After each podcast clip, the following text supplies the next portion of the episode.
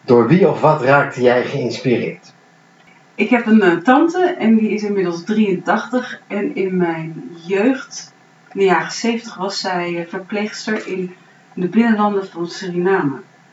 In welk jaar raakte je geïnspireerd? Nou, ehm, dit is zelf vanaf mijn vroegste jeugd. En eh, een jaar of tien geleden dacht ik, ik heb iets te bieden. Toen was ik 43. Eh, in Almere wat er nog niet is en wat ik wel heel graag zou willen doen. En wat is het wat jou zo geïnspireerd maakt? Nou, met name, eh het was een hele mindfulness hoos gaande. Het was eigenlijk het begin van de mindfulness hoos. En eh, ik, ik had de naam ineens vol leven in mijn hoofd. Dat is eigenlijk een hele mooie naam om daaraan een heleboel vast te haken. Met name het mindful bewegen en ook de mindfulness op scholen.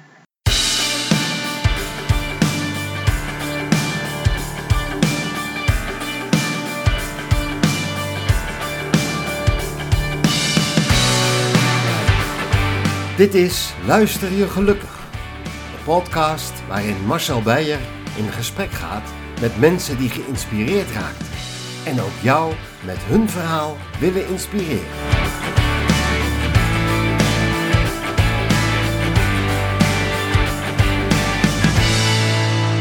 We zitten hier in de, in de praktijk van Vol Leven. Hè? Dit is jouw praktijk wat jij hebt. Want je bent, je bent fysiotherapeut uh, Annemarijn of niet?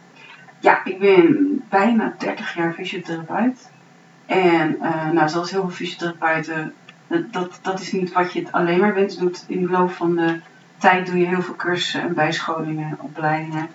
En dat heb ik ook gedaan. Ja, je vertelde net dat je geïnspireerd raakte door je tante. Kan je wat over je tante vertellen? Wat, wat, wat, wat, waar- hoe stond zij in het leven? In de jaren 70 was zij eh, verpleegster in de binnenlanden van Suriname. En eh, daar was ze dus ook verpleegster, maar veel meer dan dat. Ze was daar ook eh, net halve arts. Er was gewoon weinig medische zorg. En zij vertelt nog steeds verhalen over kleine vliegtuigjes die, die naar die binnenlanden gaan, dat het niet bereikbaar is per boot. Dat heeft me altijd onwijs geïnspireerd. Zo van, ik wil ook ontwik ontwikkelingswerkster worden. Nou, ze was een voor haar tijd heel zelfstandige dame. Kon niet vreselijk goed leren, dus is met een vrij lage verpleegstersopleiding allemaal bijscholingen en andere opleidingen gaan doen. Dus kraam en eh, ja, anesthesist. eh, dus echt een heleboel. Ik weet niet allemaal wat ze gedaan heeft, maar een heleboel. Waaronder ook eh, drie jaar in Engeland gewerkt, in Londen. En in Zwitserland de opleiding gedaan. En altijd super sportief. Maar dat is, al, dat is al jaren terug, dus ze was vooruitstrevend of, Ja. of vooruitlopend. Ja, ze was wel redelijk vooruitlopend. En ook altijd ongetrouwd gebleven. Ook al heeft ze wel een paar korte relaties gehad. En eh, dus naast dat ze werkte fulltime, eh, was ze dus ook, eh deed ze aan yoga en aan skiën en aan tennis. Hmm, En lange afstand wandelen. En ze heeft Ja. dat heel leuk gevonden. Dan praat je over de jaren zeventig? Ja. ja. Dan was jij nog een klein meisje. Ja. Wat sprak jou zo in haar aan? Wat, wat, wat triggerde jou? Ehm, nou, sowieso al. Van, zij was een van de, de boegbeelden.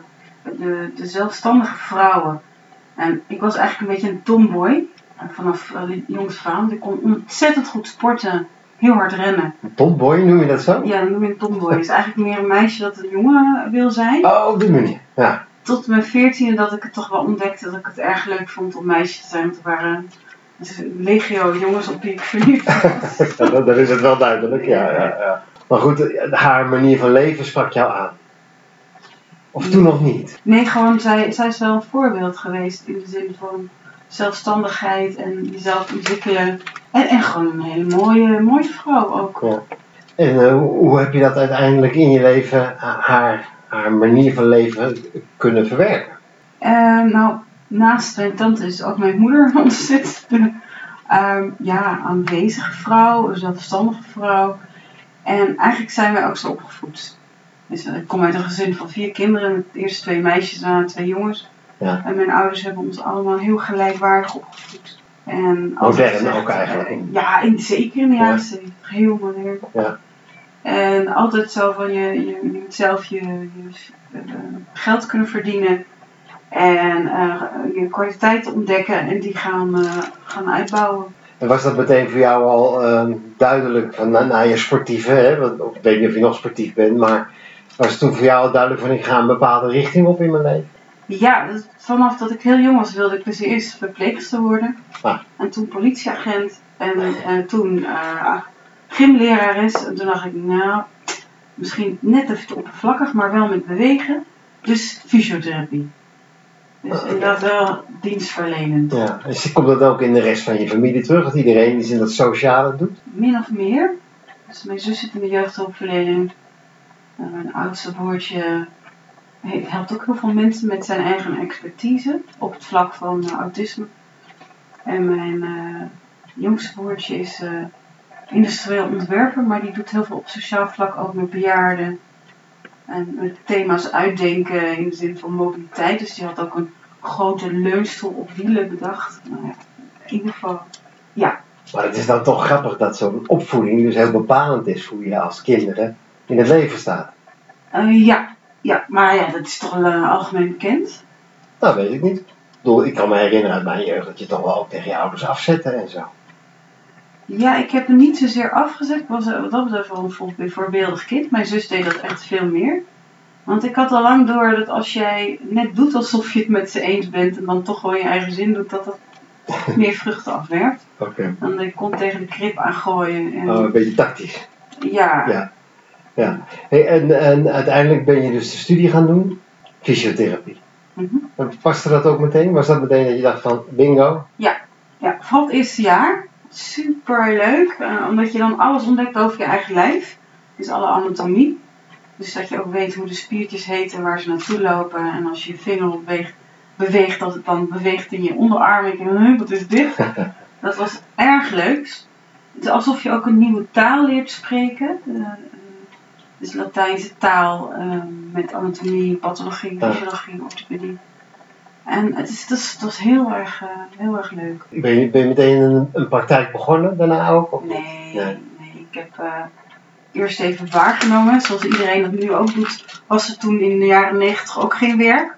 Dus collega's gingen naar Amerika, collega's gingen naar Zwitserland. En ik ehm, heb een tijd waargenomen. Maar dat ontwikkelingswerk klonk nog wel door.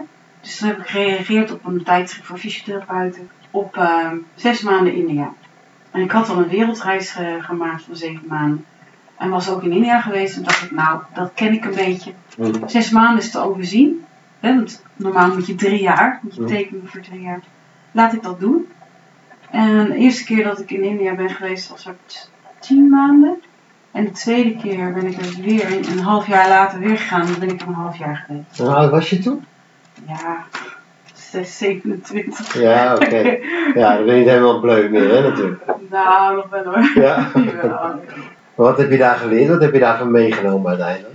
Nou, ik, heb, ehm, ik was daar puur alleen. Dus heel erg ehm, goed op mezelf eh, eh, leren zijn. En ook, eh, Oh, ja. ehm, was ook niemand om mee te praten. Er waren geen andere vrijwilligers, ook geen andere westerlingen. Dus ik heb een, een dagboek bijgehouden. En daarnaast nog heel veel kaarten en brief geschreven. Dat deden we toen per post. Ja, ja. Niet per mail. Andere tijden, Maar omdat- ja. precies, er was ook geen, was ook geen mobiele telefoon. Die moest echt eh, collect call bellen. Oh, ja. Ja, en dus op mezelf leren zijn, maar ook wel ehm, in zo'n land als India word je volledig weer teruggeworpen op jezelf. In de zin van, wat is nou waar? Hier, wat hier waar is in Nederland, is niet in India waar. Geef er eens een voorbeeld van. Wat bedoel je daarmee? Eh, eh, eh, links rijden, rechts rijden, huwelijken, man-vrouw verhoudingen. Hmm. Eh, je kunt zeggen, ah, ik hou gewoon mijn lange broek aan en een t-shirtje. En eh, ze moeten me maar accepteren zoals ik ben. Nou, dat doe je niet. Hmm. Het, was een, het is nog steeds een gebied waar weinig buitenlanders komen, weinig bezoekers. En je pas, ik paste mij aan aan de, aan de normen en waarden van daar. Met wel een westers sausje eroverheen. Dus ik hoefde niet die onmogelijke sari aan, die lap van 6 meter. Ah, ja, ja. Ik mocht gewoon een soort broek en jurk eroverheen aan. Accepteren ze dat? Ja. Ja. Ja, Ja. en ik wil ook graag op de fiets. Dus ik, ik, ik regelmatig een fiets om even boodschappen te doen. In plaats van dat je je laat rijden of dat je met een gaat Ja. of met een taxi. Maar dan heeft je uiteindelijk, eh, heb je daar een bewuste keuze voor gemaakt om naar India te gaan. En dat heeft je ook weer wat gebracht in je leven. Ja, ik, ik ga er nog steeds naartoe, elk jaar. Oké. Voor de, ik denk, zestiende keer nu. Waarom doe je dat? Wat is, wat is daar de Nou, reden van? Het is, ik denk dat het voor mij heel erg belangrijk is om even op mezelf te zijn, weer. Ehm, en ook weer, ehm, weer even te weten wat je mist in Nederland. En wat ik ook wel fijn vind, is dat ontzettende basale leven. Ik leef met één koffertje. Dus drie setjes jurken, broeken, ondergoed. eh, met drie boeken en een dagboek of zo. Ja. Dat is wat ik meeneem. Maar, maar is dat strijk en zet voor je? Wil je dat per se doen om, om je roots weer terug te vinden? Moet ik dat zo zien? Nou, ik vind het heel fijn om daar te zijn, onder het mom van ook helpen. In, in, ik help niet echt, ik hoop dat ik mensen daar inspireer. Dat doe je met fysiotherapie. Fysiotherapie, eh, maar ook hoe ik ben. Ik ben eh, zeg maar 53 en de mensen die daar 53 zijn, zijn oma en opa. Die zijn niet zoals ik, niet zo actief ook. Dus ik, eh, ik ben heel sportief daar. Ik geef daar elke ochtend aan de kinderen een soort van ochtendgymnastiek. Oké. En eh, ik hoop ook gewoon door het doen. Ja. Dus te inspireren door hoe ik ben. Door ook wel aardig te zijn, vriendelijk te zijn. Door oplossingsgericht met ze mee te denken. Ja, maar je, je kan ook zeggen, ik maak wat geld over en dan is het ook goed. Maar je- jij zoekt er iets. Ja, ik, ik neem wel geld mee hoor, van andere mensen. En, eh, Je zamelt geld in. ja, ik zamel wel geld in dat ik daar ter plekke eh, besteed op een. eh, het komt ook allemaal daar weer in speeltoestellen, zelf voor grote zalen, wasbakken, toiletdeuren, toiletpotten, fysiotherapiemateriaal. Nou, Ja. gaan we door. Ja, ja, ja. Ehm, maar het is, het is wel iets waar, van, van als ik iets kan doen, waarom zou ik het niet doen? Waarom zou ik het dan laten? En ik heb de ingangen gekregen door op wereldreis te gaan en door die kansen te pakken en door van deze mensen in India te gaan houden om het te doen. Dus waarom zou ik het niet doen? Wat leren zij jou? Ehm, nou, de, de kleine, de kinderen, vooral de kinderen tot, tot jaar 16, die hebben één koffertje. Dus als ik ook naar India ga, dat is wat zij hebben. Een hele bezit. Eh, dat is alles wat ze bezitten. En gewoon ook de vrolijkheid toch wel die van die kinderen afstraalt. Dat is heel fijn. En, en als ze eenmaal door het witte kleurtje van mij heen kijken, dan, dan vinden ze mij ook gewoon heel fijn, heel leuk. De onvoorwaardelijke van, eh, van de kinderen daar. Is dat misschien iets wat je, wat je, wat je, wat je daar zoekt dan? Dat er iets wat daar hier niet is in, in Nederland? Onvoorwaardelijk? Dat is hier ook. Ik, Ja, toch eh, wel. ja, ik, heb, ik, ik geef tien groepen mensen fysiotherapie in eh, Almere. En ik, ik heb die onvoorwaardelijke liefde bijna van iedereen. Ik ga het een beetje van iedereen houden. Want je hebt hier in Almere een praktijk, hè? Vol leven heet dat. Ja. En dan geef je groepenles. Leg dat eens uit. Wat doe je precies? Ik geef mensen in groepen les eh, in het warme water. ehm groepen groepsfysiotherapie. In een zwembad. In het, ja, in het zwembad. Mhm. ehm, in buurthuizen. Ehm, ook op mindful bewegen, hoe je omgaat met dingen die je tegenkomt in je lijf, maar ook in je hoofd. En eh, een groep fysio-yoga. En dat heb ik eigenlijk bedacht, ook, ook wel weer een beetje vanuit de gedachte, ehm, omdat er zoveel mensen niet meer verzekerd zijn voor fysiotherapie. Maar waarom ga ik ze niet bij elkaar zetten en vraag ik van iedereen een beetje geld? En dat zou ik eigenlijk in India ook heel graag willen doen. Hè? Dat je dus een, een heleboel mensen met dezelfde klachten ziet en die een klein beetje geld vraagt. ehm, en bij elkaar zet. Want dat verbindende van groepen maakt ehm, de kracht van zo'n groep zo groot en ook het therapeutisch effect. Gebeurt, dat- gebeurt dat niet vaker in Nederland? Dat iemand op die manier eh, zijn inkomsten krijgt? Want je krijgt dus wat sommigen ook maar een tientje. Ja, het is. ehm, het, het, je hebt nu wel meer, je hebt wel meer bewegen voor ouderen. Dus MBVO en allerlei buurthuizen. En daar zit ook wel een, een docent op, maar ik weet niet of die docenten. die verdienen daar niet hun salaris mee. Ja, het model is best bijzonder wat je nu schetst. Ja, ja, dat klopt. Ik denk dat ik de eerste en ook nog de enige ben die het op deze manier doet. Dus je hebt wel um, fysiotherapeuten die zwangerschapsgym geven in een groep. Ja, ja, ja. Of eh, die wel een, een groep doen, maar die niet hun, hun geld ermee verdienen. Wat mij fascineert daaraan is dat je enerzijds zegt ik ben fysiotherapeut, waarin je dus heel erg bezig bent met het lichaam van iemand. Maar dat je dus ook dat mindful erbij doet, wat juist heel geestelijk is, lijkt mij. Ja, maar ik kan je niet splitsen. Nee. niet, weet ik niet. Dat kan je niet splitsen. Nee, Vertel. nee. Ik heb ontzettend veel mensen met, ehm, met stressklachten, stressgerelateerde klachten.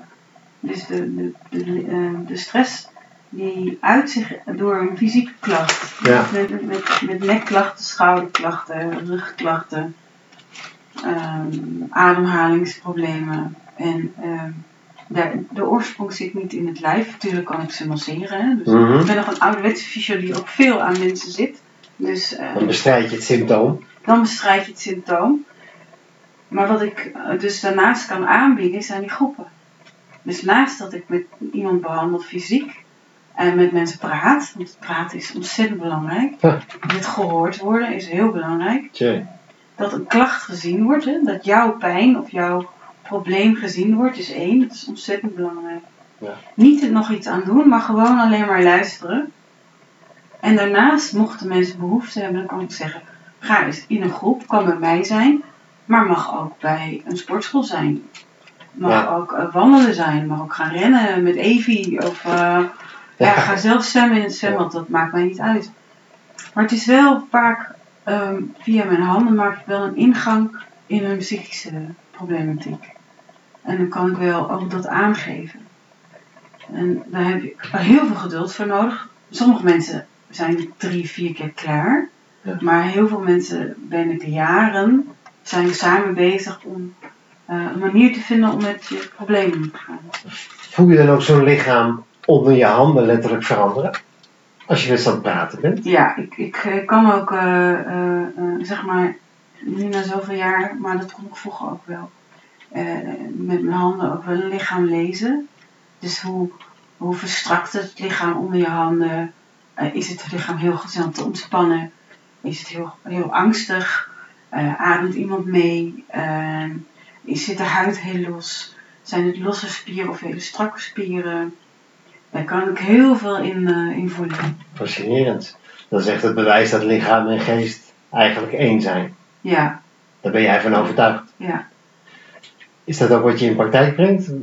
Met je, met je fysio, met je, met je mindfulness? Is, dat doe je in groepen, dat doe je hier in dat praktijk wat Ja. je hebt? Ja, ik, heb, ik kan wel zeggen dat ik naar, nou, ik denk dat ik een jaar of 15 allemaal eh, lichaamswerkopleiding gedaan heb. Ehm, en me daarin geschoold heb. En de theorie van deze opla- op, aanbieder was dat je eerst je eigen stress moet leren kennen. Dus eigenlijk eerst je eigen pijn Oh ja, leren kennen. ja. En je eigen ehm, overdracht, zoals het eigenlijk heet in de, in de psychologie. Voordat je iemand anders goed kan helpen.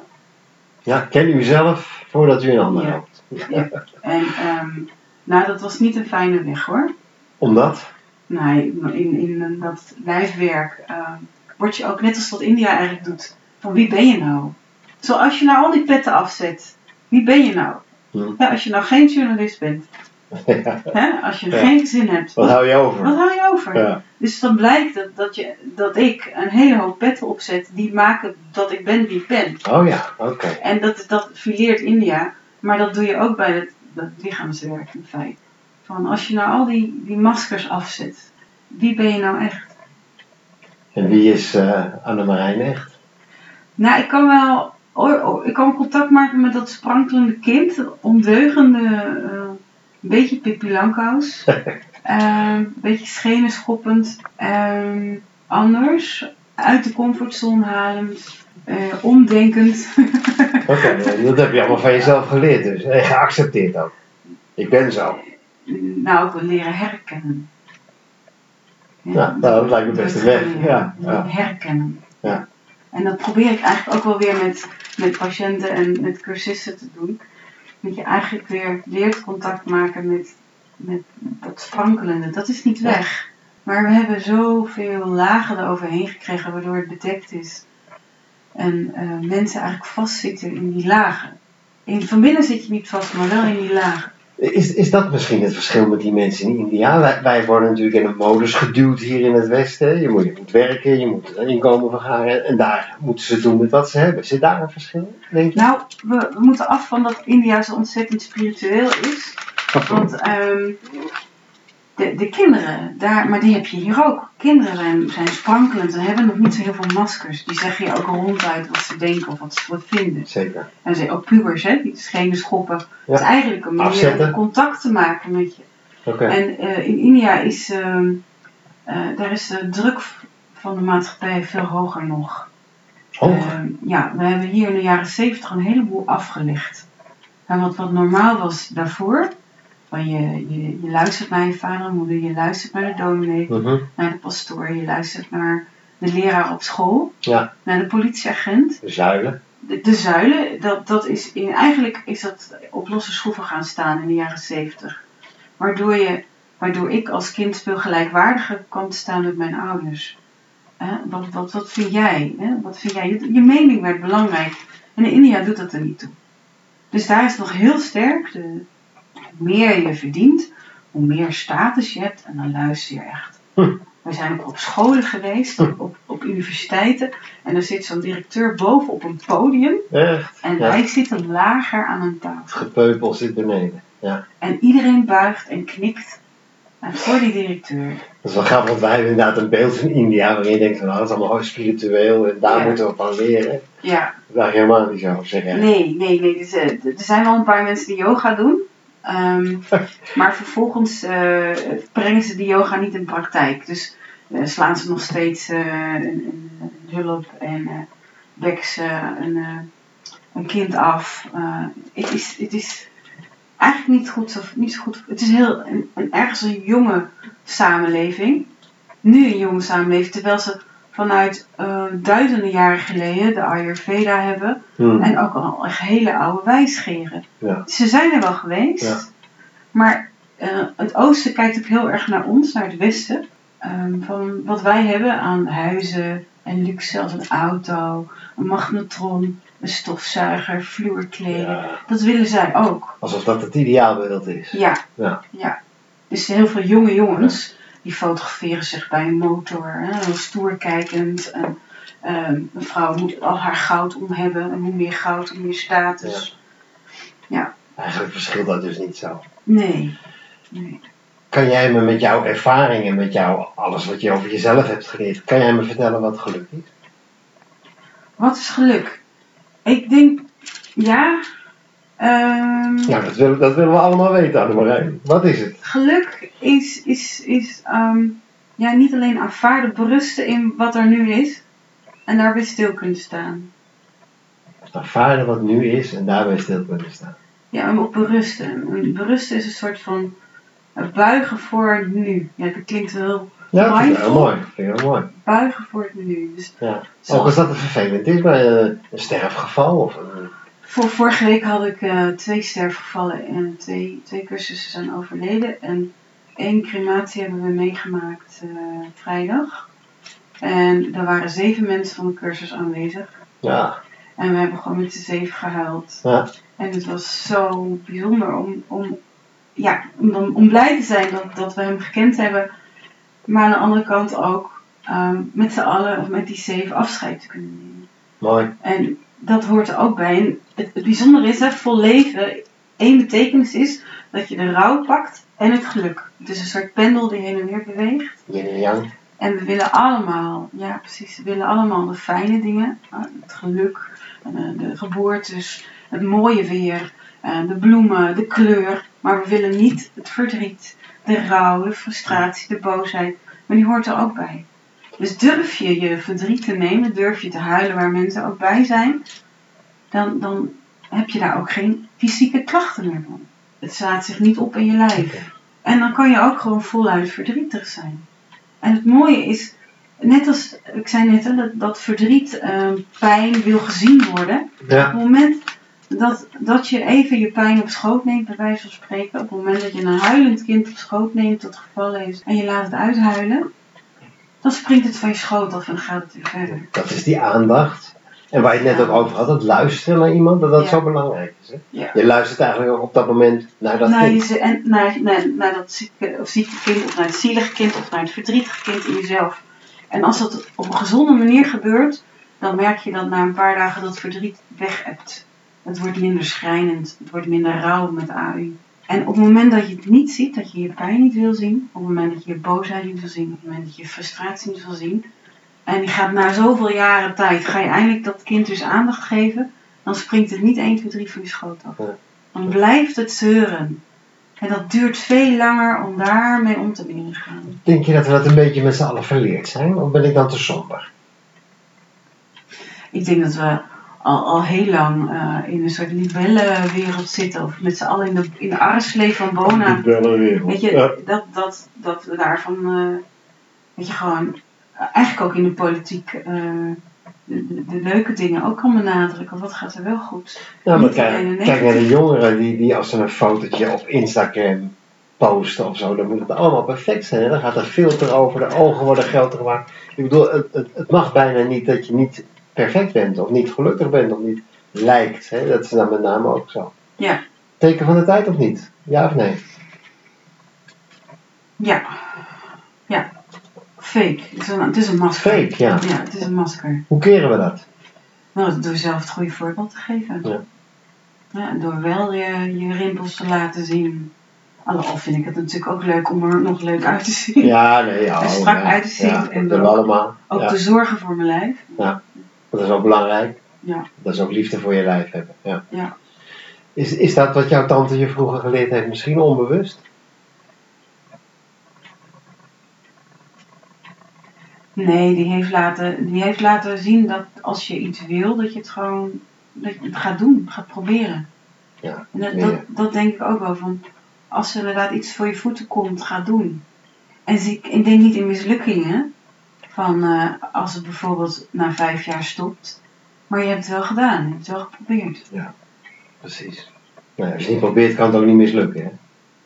Nee, nee, en dan, dan leef je dus ook niet voluit. Dan leef je Nee. niet vol. Nee, maar dat, dat, dat vind ik nog even leuk om te benadrukken tot slot. Want jouw praktijk heet Vol Leven. En daar heeft- zit er meer betekenis aan. Hè? Ja. Vier als ik het goed heb. Ja, ja, Ja. dat heb je goed onthouden. ja. Ja. Kun je ze heel kort even benoemen?